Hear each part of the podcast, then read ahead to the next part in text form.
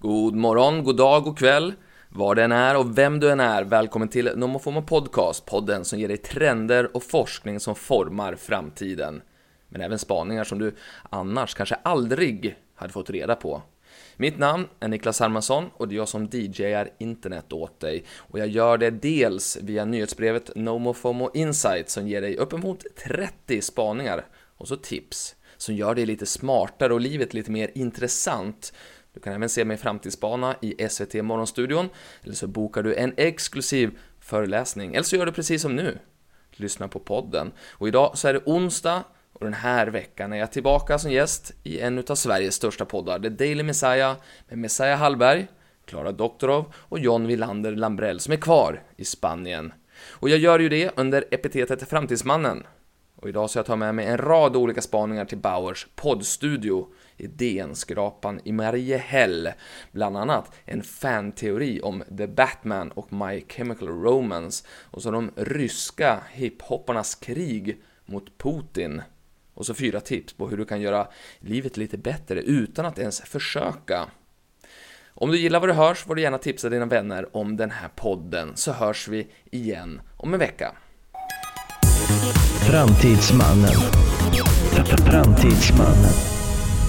Niklas, du driver nyhetsbrevet NoMo FOMO, allt man behöver för att veta vad som händer i framtiden. Du pratar om det vi kommer att prata om sen, redan nu. Det är därför du är här. Hoppas du har med dig någon, eh, någon bra spaning idag till oss. Ja, men massor alltså. Det händer ju grejer. Det är ju mycket i, i Ukraina, men jag har ju också varit på bio. Ja, ja, såklart du har. Såklart du har, ja. Det lät svettigt. Ja, men det var ju verkligen det. Livet måste gå vidare. Livet måste gå vidare, så jag tänkte nu går jag och ser The Batman. Och efter 47 minuter, mycket riktigt, var kommer man ut, var får man kissa, var kan man köpa mer öl? Liksom, Men du, du har aldrig varit på en biograf förut? Nej men det var ju jättelänge sedan. Och, Du, och alltså, då var jag så här, det är toaletterna man får kissa på. Ja, just det, det var ju så det var. Men, men då, då så tittade jag på klockan och så, det har gått 47 minuter och sen så började jag googla då samtidigt, det var ju någon som sa till mig, man får inte googla. Tre timmar är då den här filmen. Så nu kommer jag aldrig mer eh, gå på bio eh, igen. Var den de- bra? Den var ju fantastisk, men, men det kunde ju inte jag uppleva det för att jag satt ju bara hade ångest över att inte jag fick gå ut Ja, eh, filmen var nog bra, men han blev väl inte insläppt igen antar jag. Exakt. Varför jag nämner just The Batman, det är ju inte det för att jag varit på bio såklart, utan det är ju därför att det har ju dykt upp en fan-teori här det senaste dygnet. Eh, Det finns en Tumblr-användare som heter Eileen Natural och hon eh, har ju då kommit på en grej som jag tycker var fantastisk och det är ju då alltså i den här Batman-filmen som utspelar sig då i år, den här filmen som, som kom i år. Det är ju då alltså Bruce Waynes föräldrar mördas ju då 2001 i den här filmen och då borde han vara runt 10 bast, alltså Bruce Wayne då. Eh, och eh, den här låten, ifall ni minns den, The Black Parade med My Chemical Romance. De gjorde ju en väldigt eh, fantastisk video till den. De hade den här långa karnevalen då med olika eh, nästan clownmålningar som gick genom. Ja, li- lite grann som Kent Ja, eh, sen kanske. Parafraserade lite grann. Ja. Så när den här låten släpptes då, då borde han gå till högstadiet och vara så här, ja, och på högstadiet har man ju alltid ångest och man blir mobbad och man har ju problem och så vidare. Alla har ju det.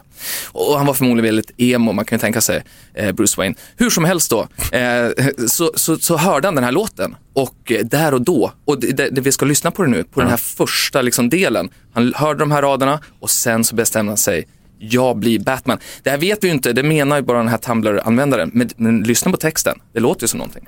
When I was a young boy, my father took me into the city to see a marching band. He said, Son, when you grow up, would you be the savior of the broken, the beaten,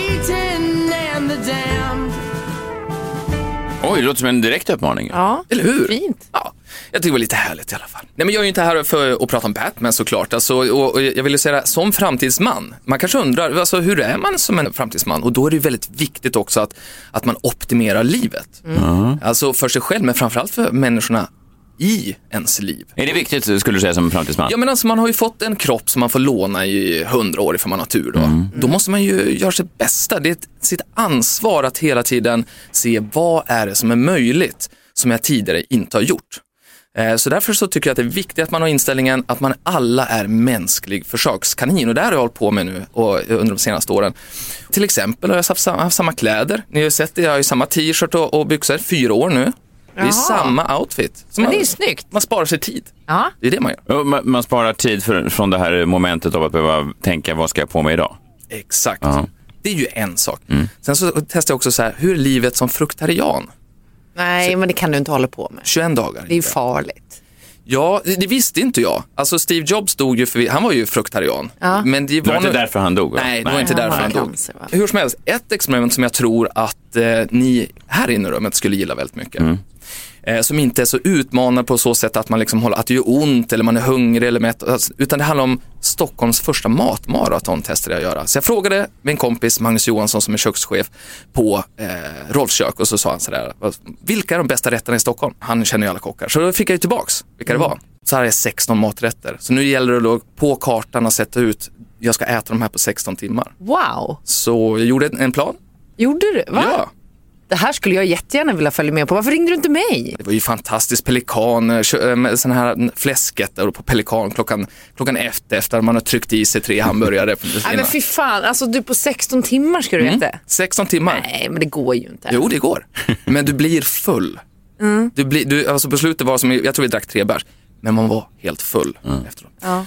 Hur som helst, man måste inte vara så extrem. Så jag har med mig en spaning här nu till er. Och det är att The Guardian har publicerat en lista med 100 tips på hur man kan förändra sitt liv lite grann utan att man faktiskt alltså, egentligen gör någonting. Alltså det är inte någon stor insats. Så då tänkte jag att jag tog ut några favoriter får vi se ifall ni gillar de här då. Eh, det första är då att lär dig namnet. John, lyssna på det här då, för det här tror jag verkligen att du skulle må gott utav då. Lär Okej. namnen på 10 träd. Ja. Eller hur? Alltså, eller? ja. Namnen, alltså tilltalsnamnen eller alltså ek Exakt. och björk. Och, hörru. Exakt, hur många kan du John? ek och björk. Två? Kan du inget fler? Han kan bara de som också är med i gran. Tobbe Ek, Martin Björk. Ja, men jag kan bara spanska träd. Ja. Ja, men, men det här, alltså, man blir ju mer kreativ när man går ut i, i naturen, så jag tycker att det här är ett kanontips hur som helst. Den här då? Släpp ner axlarna. Ja, det behöver jag göra. Ifall alla, även ni som lyssnar, släpper vi ner lite grann. Men säger de inte ibland att man ska bak med axlarna, upp med axlarna? Ja, just det. Nej, inte upp mot öronen. Det Inte ska så, du va? aldrig. Nej, okej. Men Bara- bara- bakåt kan vara bra. Men vad händer om man sluttar för mycket? Då ser man ju ut som att man bara sitter hemma och... En galge. Ja, men en sån incel-kille. Det vill man inte göra. test, te, när du har så här, de nere nu då, testa den här grejen då. För vet ni hur djur andas? De andas ju liksom utåt, ligger de, ser man dem på savannen och ligger ner, och bara åker upp och ner hela jävla kroppen. Testa att göra det då, alltså kroppen ser helt bedrövlig ut nu. Man får ju supermage, Ja. eller hur? Känner du det? Ja, det där får man lära sig som kvinna att inte göra. Man ska inte andas med magen. Nej. Vad Vilket är sjukt. vad andas ni med då? Näsan bara? Precis, vi andas bara lite här uppe i halsen. Varför annars så ser vi, ser vi tjock ut. Det är typ så man, man lär sig det. Det är helt sjukt. John, du sa ju någon gång att du, du bara dejtar kvinnor som inte andades alls. Eller dolde det väldigt väl.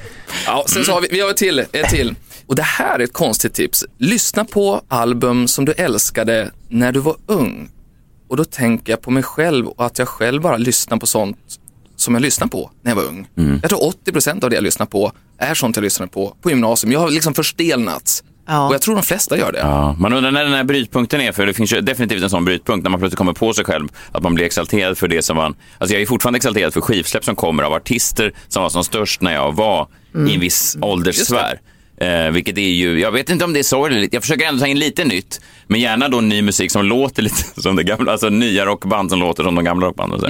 Men jag kommer i alla fall att tänka på det här, därför att, eh, att apropå då album som vi älskade som unga, har ni hört att det ukrainska punkbandet Beaton, men att de har liksom fått okej från The Clash att göra en cover på London Calling, som de kallar Kiev Calling. Jaha. Och den Vad är faktiskt fint. ganska bra. Ja. Har du den med dig? Ja, vi har, jag har, med, har den med mig.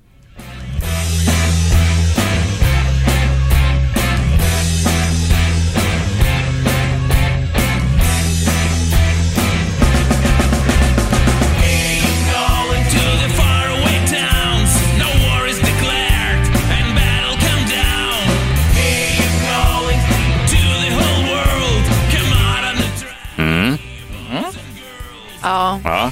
Det är ju obehagligt med bomblarmen tycker jag ändå.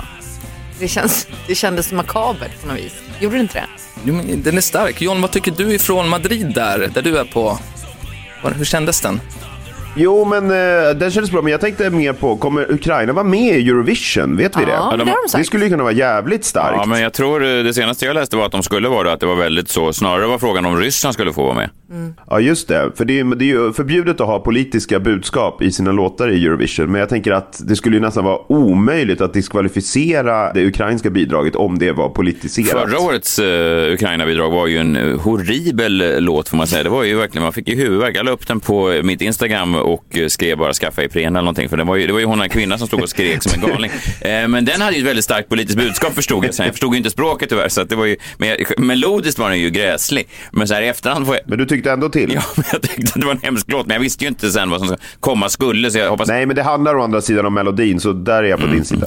Alla intäkter från den här äh, låten går ju till då Free Ukraine Resistance Movement, så det är väl en härlig grej tycker jag. Ändå. Verkligen, verkligen. Men sen, Ryssland, de har ju använt en annan taktik än Ukraina i det här informationskriget ju. Det har ni ju pratat om säkert, men att just blocka västvärldens sociala medier för att undanhålla befolkningen sanningen vad som händer i, eh, i kriget. Eh, Men de har ju dock missat att blocka en av de här eh, sociala plattformarna. Och Det är ju Clubhouse, kommer ni ihåg? Den här? Just det. Ja. Jag trodde den var död. Alltså det känns inte som att någon snackar om. Vadå, du- den är så bortglömd så till och med ryska säkerhetstjänsten Ja, ja. har fått blocka. Oj, oj, oj. Den, är så, li- den har blomstrat nu liksom under invasionen och det är dit man går och det, fördelarna är ju två. Omvärlden får ju dels veta att alla ryssar inte stödjer invasionen. Det är ju en bra sak med, med det. Eh, ryssarna får höra Ukrainas sida. Så det, det liksom finns två fina sidor i det här och de är så små som flyger under radarn. Det är kul. Ja, verkligen. Men det, även den ryska hiphop-scenen eh, gör ju ett, vi- visste ni att det finns en rysk hiphop-scen? Ifall Nej. följer ni den Det eller? låter som en mardröm. Ja, det känns hård i alla fall. Verkligen. Eh, och de står ju upp, alltså mot Putin. Det, kan, Ja, det är bra i och för sig. hade man ju kunnat inte vara säker på i alla fall.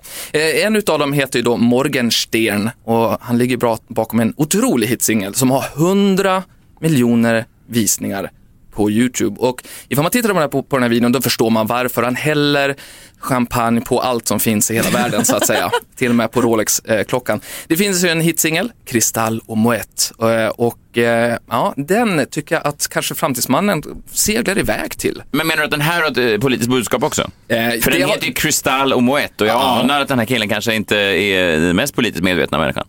Nej, det är han ju inte, men han är ju, det spelar ingen roll. Nej. Han står upp mot Ja, Putin okej. och här är han och hans vänner och eh, Kristall och Moet.